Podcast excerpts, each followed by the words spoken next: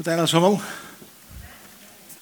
Vi er jo i um, en rød om David, og i dag er vi kommet til 16. parst av rødene om David, og hette nest seneste parster, så ikke neste sundag, da vi er vidt av men sundag 18. av det, så vi er det seneste parster av rødene om David.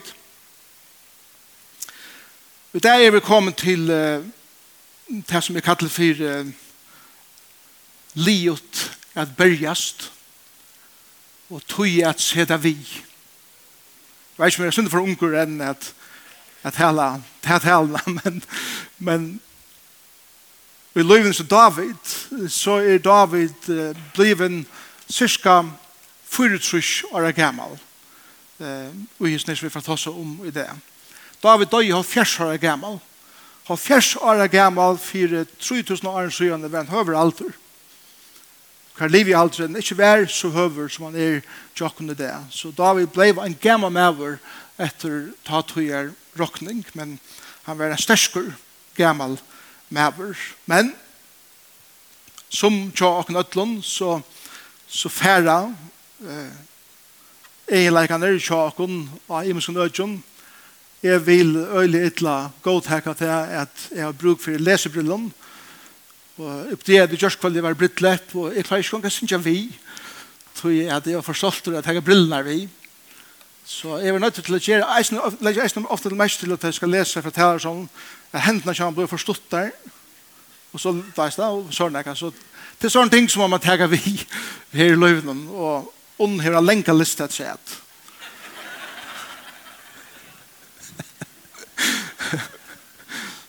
Jeg skal ikke nevne nækka jeg tog her i morgen.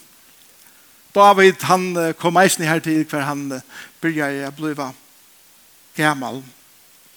Og han sier så leis at jeg og Bjørnsen via livet lunsjen er til han blir gammal. og og, og til jeg går ut at det er deilig å livet lunsjen, men, men skukka søren er til er han blir gammal.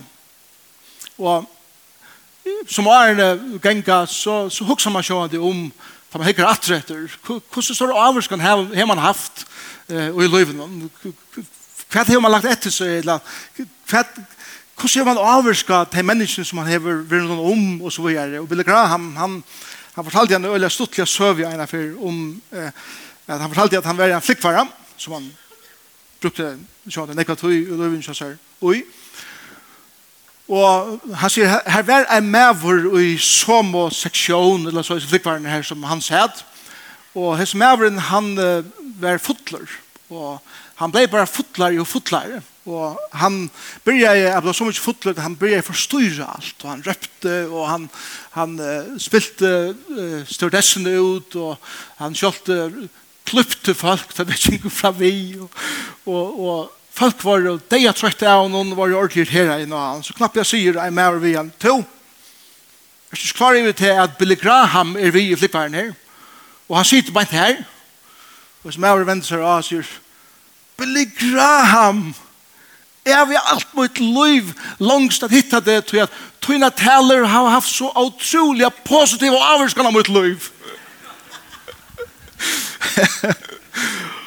Og Billy Graham også sier Herre god, du har hatt det påstift. Så aldri ikke oss å tale bare beit nu, altså. og det er akkurat som at man hikker altså løyvi og sier, hva for jeg avhørskan har vi veldig haft? David, vi får hikker at hånden i det. Jeg har vi vilja boja synder i hese her talen. Vi får faktisk bakka synder atter i det. Ja Jeg valgte å ta seg om David som salmaskrivare og hvordan han organiserer salmanar og eisen hvordan han bygde tempelet. Og æren jeg kom til hese talen i det, men nå færer vi faktisk en stund langt fram eller atter i, i hans herre tøy, og vi får slå opp på ære samansbok kapittel 21. Andre bok, kapitel 21 og til vers 15. Jeg skal bare lese det før det kommer. 15 til 16. Det stendt så leis oppater vær ofrier mittel filistarar og Israel. Og David får a stav i mannesynen og kom og i bardeia vi filistarar. Og så er det sånn setningen her som er veldig viktig. Og David gjørdest mor. Han ble 24 år. Alt sitt liv hever han vært hesten strusmæveren. Alt sitt liv hever han steg og åtta. Og enn innkjønner han standa åtta. Men nå kommer han, og han finner seg en barda igjen, og knappt jeg kommer det iver han at jeg er mor, jeg, jeg mekner ikke å berge som jeg over har gjørst. Og så kommer uh, i vers 16, en som heter Jesus bind opp, som var av Rafa-attene, som faktisk av hebraisk betyr av Risa-att. Han er spjåd, og vi er i 300 seklar, faktisk skal det omsette så at, at, at svørs, eller spjåds etjen, det er aller fremsta, metallet som var fremsta av spjåden, vi er i 300 seklar, det er 3,5 kilo, vi er i det her, hukst deg om i spjåte, og, og, og tru og et halvt kilo hever her framme, sjående skal han rise til å kunne, kunne bære til ham. Av kåpar,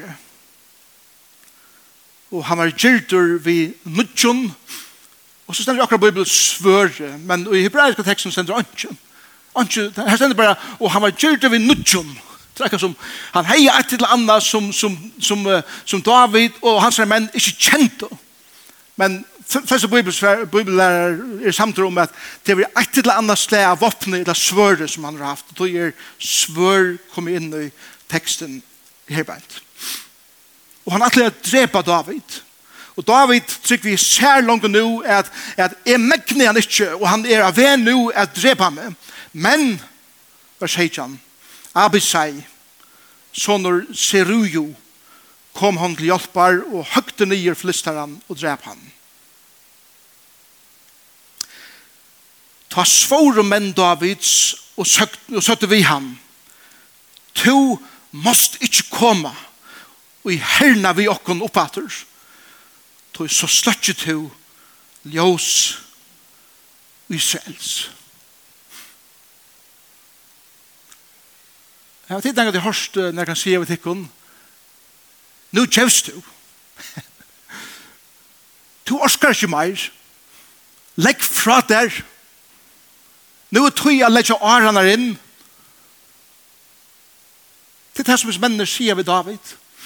David, du har blivit så mye gammal at du megnar ikke langer er standa av åtta og i bardagen som vi der og i til at du setter ditt egna liv og i vanta. Og da sier vi igjen, du må svørja fyrir okken er at du ikke kommer vi langer. Jeg elsker vers 16, ta det sender her på at uh, Abisai kom honom til hjelpar.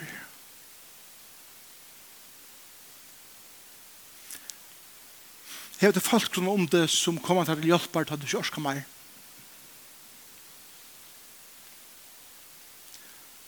ta i syskjefer,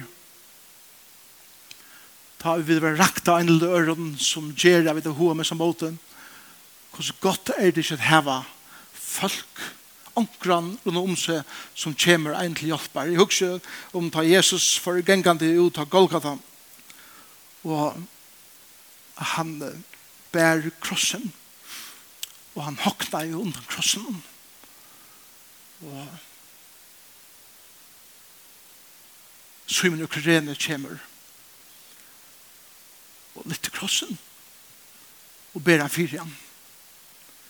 Jeg husker om ta i Moses og i Jøkna er vær og i Bardeia vi fortsatt er og tvær manns koma og hjelpe med halda armen oppe så har jeg sett utsøsmenn sikra.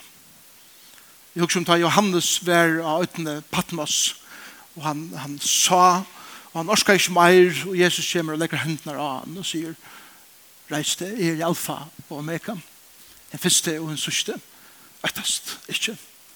Jeg husker om, om det er hendene der, og det er personene i okra løyve, som vi har bruk for, ta og vi har hoa gjev opp, eller ta og vi har blitt så mye gommel, jeg vet ikke orska meir, jeg vet heva hendur inn i okra løyv som teker seg av okkom. Faktisk, og i, i hessen her versen fra vers 15, og alle veien til enden av kapitlen, vers 22, er det fyra bardeir. Til fyra risar som koma i motor eh, David og, og hans herre følge. Og langt i fyrsta bardeien om eh, orska David ikke meir. Alle eh, er nevnt i navn uten den sørste.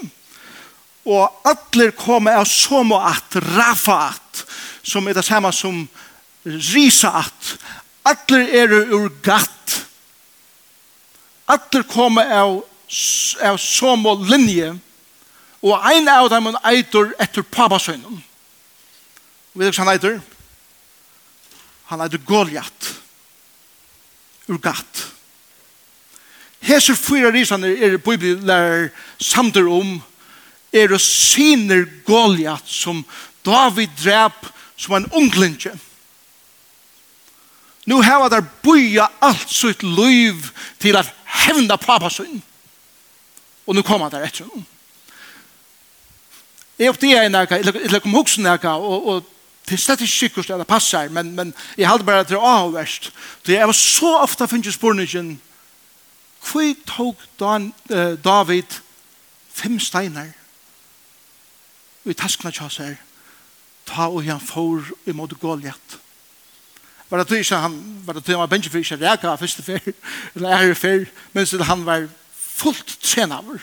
Han hei dripe bjøtten, han hei dripe leive, han dotte jeg bruka sitt ampo, så stundjeband. Og han visste at det er ikke første fer, men hvor fem? Så jeg bare spekulerer, ja, kanskje var det tog at han er fyra sine visser, som eisene var riser, men unger ta. Og hugsa jeg kanskje at om så skulle være at her skulle gjort avløp, så har vi fyra steiner til teir. Eisne. Kanskje. Jeg hadde bare sorter av verst. Det er kanskje svære på hver fem steiner. Men nå ta er han kanskje Sejan, Ajan er gammal, nu er han 24 år gammal, og ötlis jo årene hava hese mennir se fram imot denom, ta i teir skulle drepa David, og tog betur så vil han ikkje drypen. Det som vi lærer og i tøy er til at Sjølt om vi vinner stor sikrar i livet og vi megna i mens ting, så er bare det en omkant liver. Lært kan omkant i halta at jeg tror jeg vet er sikrande vi først, og at det gonger kom vel, at så kunne bare slappe av og halta bare det en liver, bare det en helter av lykka til endan. Og ting som vi slipper av vi, eller halda vi det var just av vi, tullje i løyvnen, færre setten i løyvnen er spøtja atter. Det er det som teksten lærer om. At ikke halda bare at nu vann i hattar, her, nu kjem det ånga det vi ikke atter. Risande koma atter, er vi ikke atter, i løyvnen. Og dæveren kjemmer, tar vi det ikke orska så vel. er bergjast langer. Og tar vi det ikke orska så vel å byrja slanger. Kvann heva vi ta? Vi har akkurat li som er sterskare enn to. Som orska betur. Og verje tutt liv. David hei styk folk. Og måtte vi så vidt eisen i heva. Vid eisen at, at, uh, noen heva tuttning, det vet jeg vidt. Kjolt har vi lesa attartalvenar. Navn, at man har navn, at man har navn, at man har navn, at man har navn. Eh, skolarer, etla biblarer som har gjort studie av dem i nøvnen, er et åtroligt studie. Til öll nøvnene har en eller annan tutning. Det var jeg sier her fyra nøvnene, jeg sier tre nøvnene. Jeg skal bare gjøre til om disse nøvnene.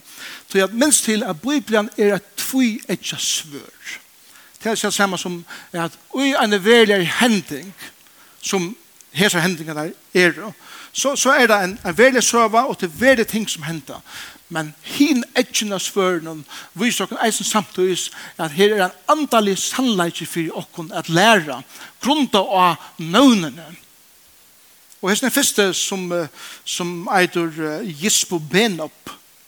Det betyr av hebraisk ein som hevja seg Vi er når hans navn betyr stoltleik. Den neste, han heter Saf. Saf og hebraiskum betyr falskleik. Jeg vil falskur, jeg vil oektavur. Den tredje heter Goliath. Goliath betyr hater, At hata. Den fjore hever ikke navn, vi vet at han er seks fingrar og seks tær ja, og hver hånd og hver bein. 24. Han er veldig veldig, han er klar spalt til Chopin og List og, og alt møvelig. Men det, er, det er, gjør det han så ikke. Men om han stendur hva han gjør det, han hoa er. Han hoa er her i Israels. Men det er sikkert papi han som gjør det. Hva skjer han? Han hoa er her i Israels.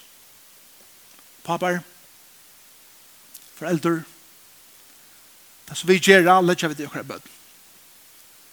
Og her som gjør det det samme som papar han sier gjørst. Og jeg hadde det som Bibelen vil lære oss her, er til at selv om vi vinner stor sier, så færre folk er vi akkurat livet som fæbla vi alle tja akon. Vi får møte folk som er veldig stolt i vi fyrir akon, og vi får akon nyer gjørt, det hevja seg på akon, og leder akon etter som om vi føler akon som ønsk. Vi får hava vi folk at gjøre i løyven som er falsk, som leda som om at alt er godt og ekta, og, og det teach us troverdig, men det er alt som er alt. When the rubber hits the road, så er det følsk. Ødel er åkken møter følsk i åkken løyve som heta åkken. Eller som heva et eller annet bakst i mot åkken. Derfor er vi så resten av løyven om. Og vi får alltid møte følsk som på åkken måte hoa her herrens. Og spotta hon som vi fylgjast vi. Altid. Han bar deg for at endur teka seg attor og attor og attor og i løven. Men jeg reisende venda til hinne veien. Og sier at vit er sjolv, jeg er sjolvor enn bar deg. Vi stoltleik. Hver jeg kan være han som hever mye på med ånder og lette ånder føle seg lytel. Jeg kan være oektavur og falskur og i munnen relasjoner med mennesker. Jeg kan lage hæter av mennesker. Og jeg kan eisne hoa ånder som ikke har akkurat som meninger eller akkurat maten som jeg gjør tingene på til det kommer til mine godstyrkan. Så gjør det fra hvordan nekvun søyene som bare den kommer og vi öll er og ui hessen bare den som David er ui og tar sier vi David David nu er tog ikke her å djevast. Og det er det som jeg ikke bruker resten av tøyene oppa. Og det heter, når er nær tøy å djevast. Og hva fer jeg gjør at jeg djevast?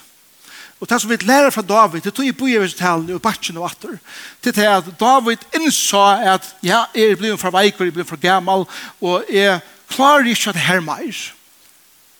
Leier han så fra seg. Vi da ser langt hva han gjør det, ta og han leier svøre fra seg. Han tog pennen opp. Og han får skriva mer salmer. Og han får organisera salmer som han langt er skriva. i kjøkken løyve.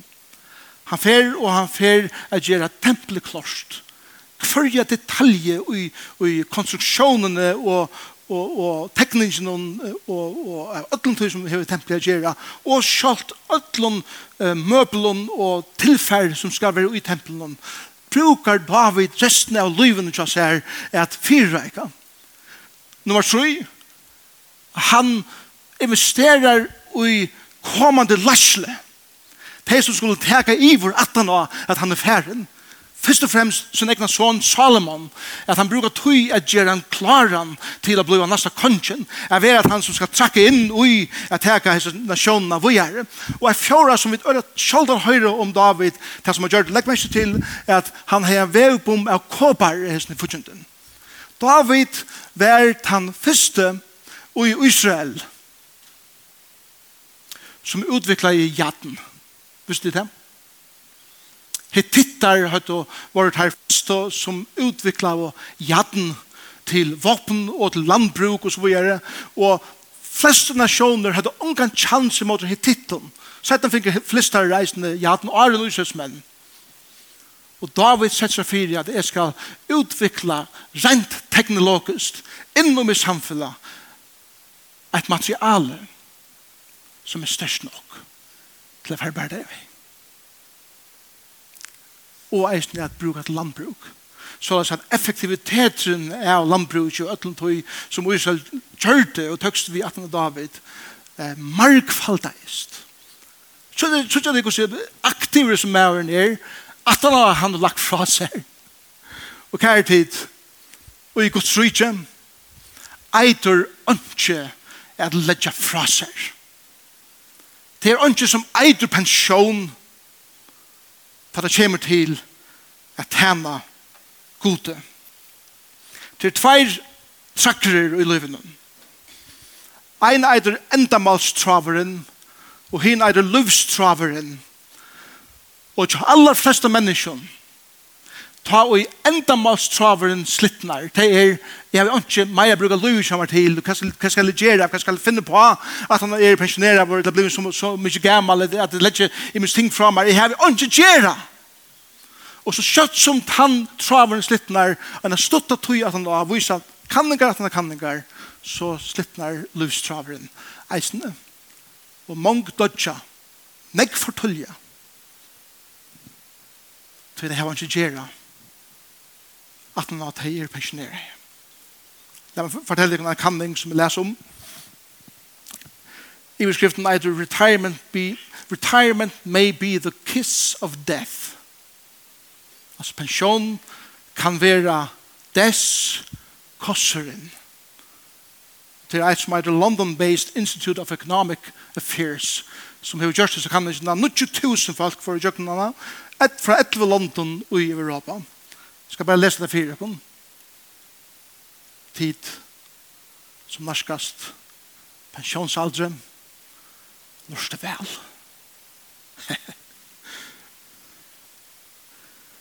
Arne var det her sier vit som norskast men som pensjonerast fyrir livet til goa livet dodja sjåtar er menn som pensjonerast og halda av å være aktiver i arbeidet, eller omkring tjeneste, eller omkring hobby. Til en 40% chanser for til en 40% vaksande chanser for depresjon til en passiv pensjonist enn til en aktiv. Det er 30% større chanser til en passiv pensjonist at diagnoseres ved omkring sjuka enn til en aktiv. Og jeg vet ikke om det er noe vi aldri gjør reisende. Kan ikke si at jeg missa de som, de som uh, pensjoneres og ikke er aktiv. De missa mentala stimulasjon. De, de, hjernen er ikke noen gang langer. De uh, missa sin sosiala samleikan. Knapp jeg vil alt skår av at folk som de har haft i å gjøre. Og de missa likamlige stimulering at bevega seg etter pensjon. Nekv, hvis kan ikke ha unga hobby, unga viner og et manglande nedversk. Pensjon gjør til at inntøkene minkar, som eisen leie til verre kost, til leie til minne vending, til det kostar, velveran og eisen hygge einan for nyer, til meira tog framfor sjånvarpe og skjermar, som gjør minkande rørsle, som gjør eisende manglande rytme i livet. Og som gjør at man øde ofte bare sitter og gløyer og man vet ikke hva man skal gjøre. Og nek dødja alt for dødja. Det er sørgelig.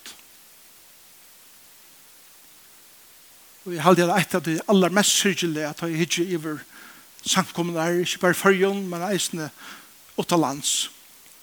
Og til det vi har en her av menneskjon som er 35 pluss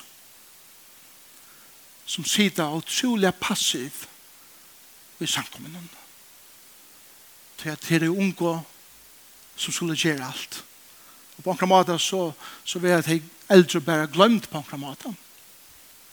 Og et som vi må se dere fire i hese samkomne. Og et som vi må være mer aktiv i til det her at de gamle her og kjøtter vi her må være en aktiver leikloter og ut i versene som ganger fire seg og, og ut fra hese her samkomne. Hvor er løsningen? Løsnen er først og fremst at vita at Gud hever kattla meg til at liva mot liv for å se lyga til den dagen er dodge til at Gud er ikke livur å bruke for meg for den dagen og han teker min livsanda heim. Amen. Gud er ikke livur vi til som heldur at du ikke kan bruke til nega God hever en dream fyrir det her stadvekk Legg meg ikke til hva som mennene sier vi David,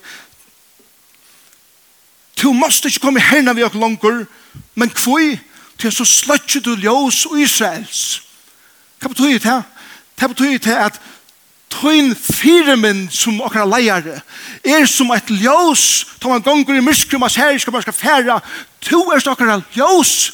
To er han som er okra firemen, to er han som er okra veleiare, to er han som er okra radjeve. Vi tar bruk for det her. Ikke langt på en her, det skal du ikke, men vi tar bruk for det her, og i sånn ekv en øren økjen av livet.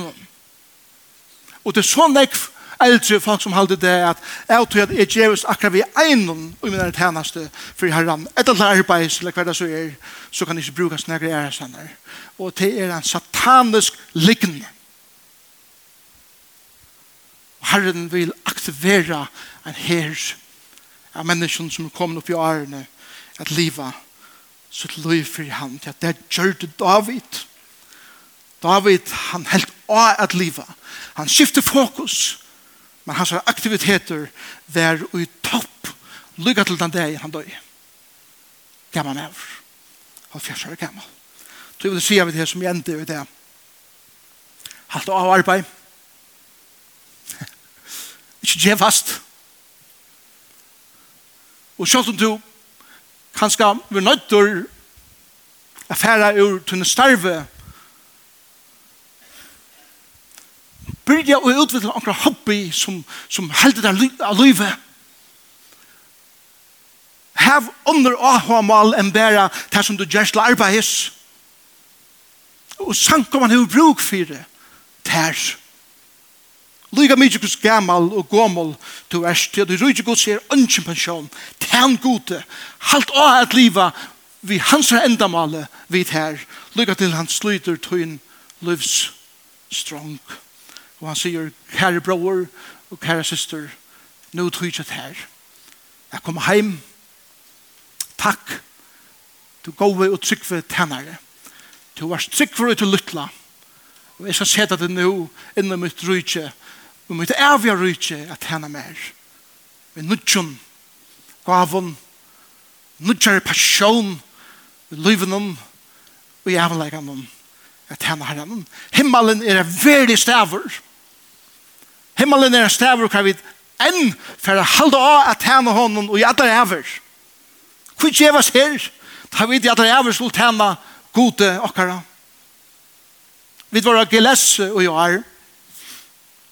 Og under jeg tar seg om det at han var så deilig det var, det var et lite video om et per som hadde haft sitt egna business og de hadde så mye nekker penger at de kunne godt pensjoneres og livet hadde av livet. Og så kommer vi inn og sier vi til har det to er kommet en tur med vi med et prosjekt i Afrika at djeva vatten til fjerskottene bygder i Afrika som ongan chans hava at få vatten. Og han sier, jeg kan komme vi. Og han kommer heimater, og han har finnet en nødja person for at vi ikke er bruka okkara penger, og okkara uiløver, og okkara pensjon, og okkara orske og tøy til tess er at utvikla pumper som vi greva hål nyer inntil vi kommer nyer av vatten, og så bøttene og så kvinnerne og så folkene og disse bygdene og i fjerskottene av Afrika kunne fære ut og pumpa vatten. Så at de kunne få vatten pensjonister. Gjør det det? Les om en pastor som heter Sam Dury, som var bliven uh, fjersare gammalt, og han trakka inn i talersalen, og han sier at resten av min liv, etter nesten seks årene, så brukte han tøy til å bytja, han var øyla gå i hendene, han var snikkar i eisne. Han sier, det vil lese om han, at han bygde 3000 fuklahus, his little fuglhusene, der fuklene kom inn og flikva og få saker etter, og så flikva der steater. Og, og han gjør det til så fantastiske vøker og, og noe greinlig som han kunde, og han brukte til å pussa og skjera og sia og alle tingene her, og han skjelte 3000 slik eh, fuglhus i de neste seks årene, og han, han samlet seg 514.000 kroner som han sendte til av disse som tante herren i Russland. Amen. Han var ikke liver. Jeg glemmer omgang en, en, en gamle mann, en fra Verge i Napoli, vi er en GLO-time som, som, som er eh, lette i, i Napoli.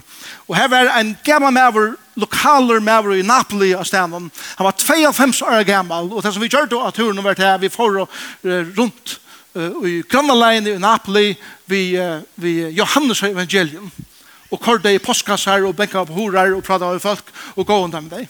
Her som er han orska ikke til. Men hans oppgave det var å sitte hjemme ved sin gul og marskarnen og han understryka i likla vers vid gul og Johannes evangelium. Det var hans oppgave.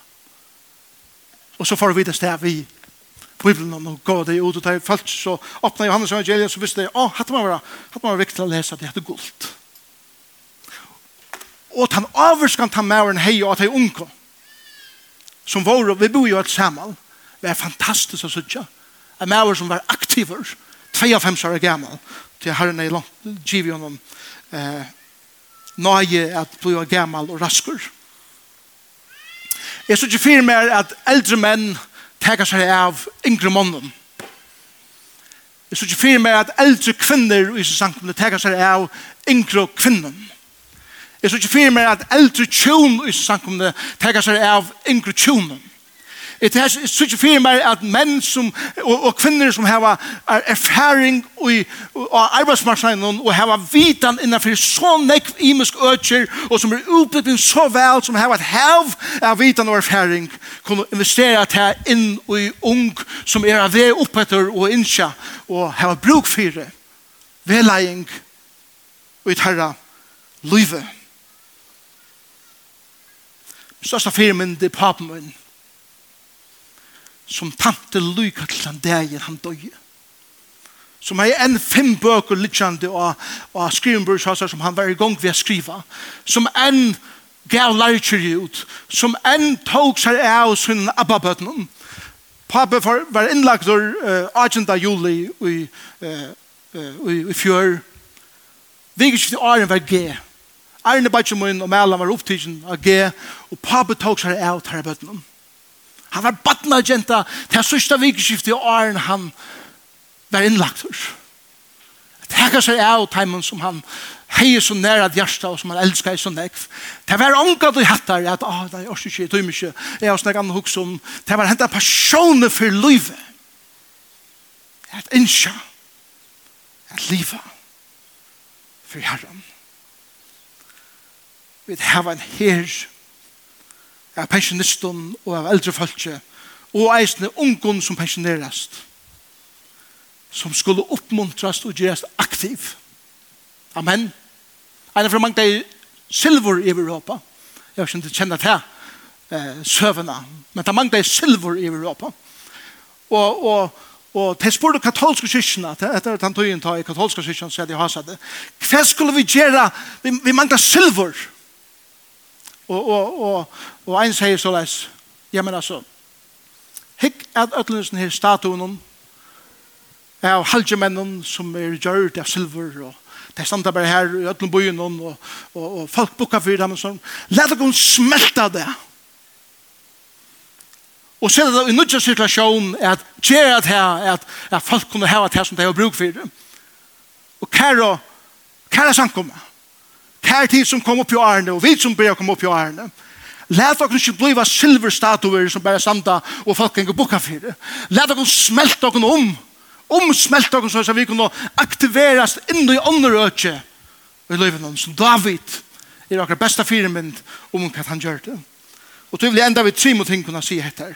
Minns til at bardeene er bæg utanfra og innanfra, og ta ut hans store bardeien er vunnen er krutsi to enn ikkje liot. Ta nasta er etter,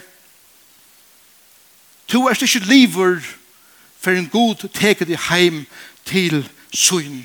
Læt du kvarja løte og kvarja oppgave som har nu gjort her, telja.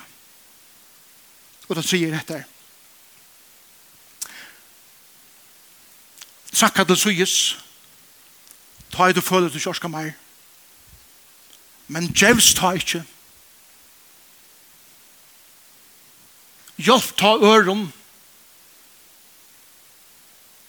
og fyrreika deg til å trykke inn og tog sted. Ein dag vil jeg ikke her mer. Der vil jeg kommer til å ta ikke nye herfra. Men jeg vågner at jeg kan bruke munnene tog som retter. at ubekva og menna og etja ånder at leie hetta versk vi er slå bia saman Takk Herre for at du er en god god. Takk for at du kommer oss til hjelp ta vi til kjørska meir. takk for David som er akkurat firevendt. Selv om han ikke skal berges mer, så vil han ikke livet av livet. Og han vil ikke livet av til her. Og vi ber her om at hun vil hjelpe dere at livet som han. Til fullmer. Og selv om vi gjør sjuk og vi skal komme inn i livet, vi vil ikke orske å være så aktiv, så Hever du givet okkom til aller størskaste våpenet og til å bia. Og legge knøene fremme framfor her. Og legge tutt folk ut under hender. Og det kunne vi det ødel. Og det har vi det kallet til. Og i Jesu navn. Amen. Vi får nå at, at uh, bråta breie sammen. er det glad for at Jesus gav oss halva lei. Han fullførte dette vers. Han tjekk alle veien ut av Golgata. Døye for akkurat synd. Og til det som vi minnes i morgen, at han døye for akkurat synd, han reiser opp for henne deg og heter en gledes måltøy som han bjør åkken. Jeg kommer. Som, eh, som var inne for og breie for rundt i det, vil du gjøre en, en sottmåla ved god. Hver grunn av at det som han har gjort for det vil du si God, jeg vil bruke resten av min liv. Jeg er ikke ta og gjøre pensjonerer.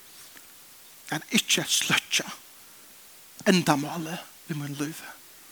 Til to hun giver meg et enda mål. Og dette vil jeg løte noe i det jeg hvert hun er gjørst at det var den sundag i 11. mars 2018 at jeg valgte at livet aktiver, aktiv til den dagen min hjerteslotter kjøpst. Jeg liva for ham og hjelp oss å fullføre okkara kall her i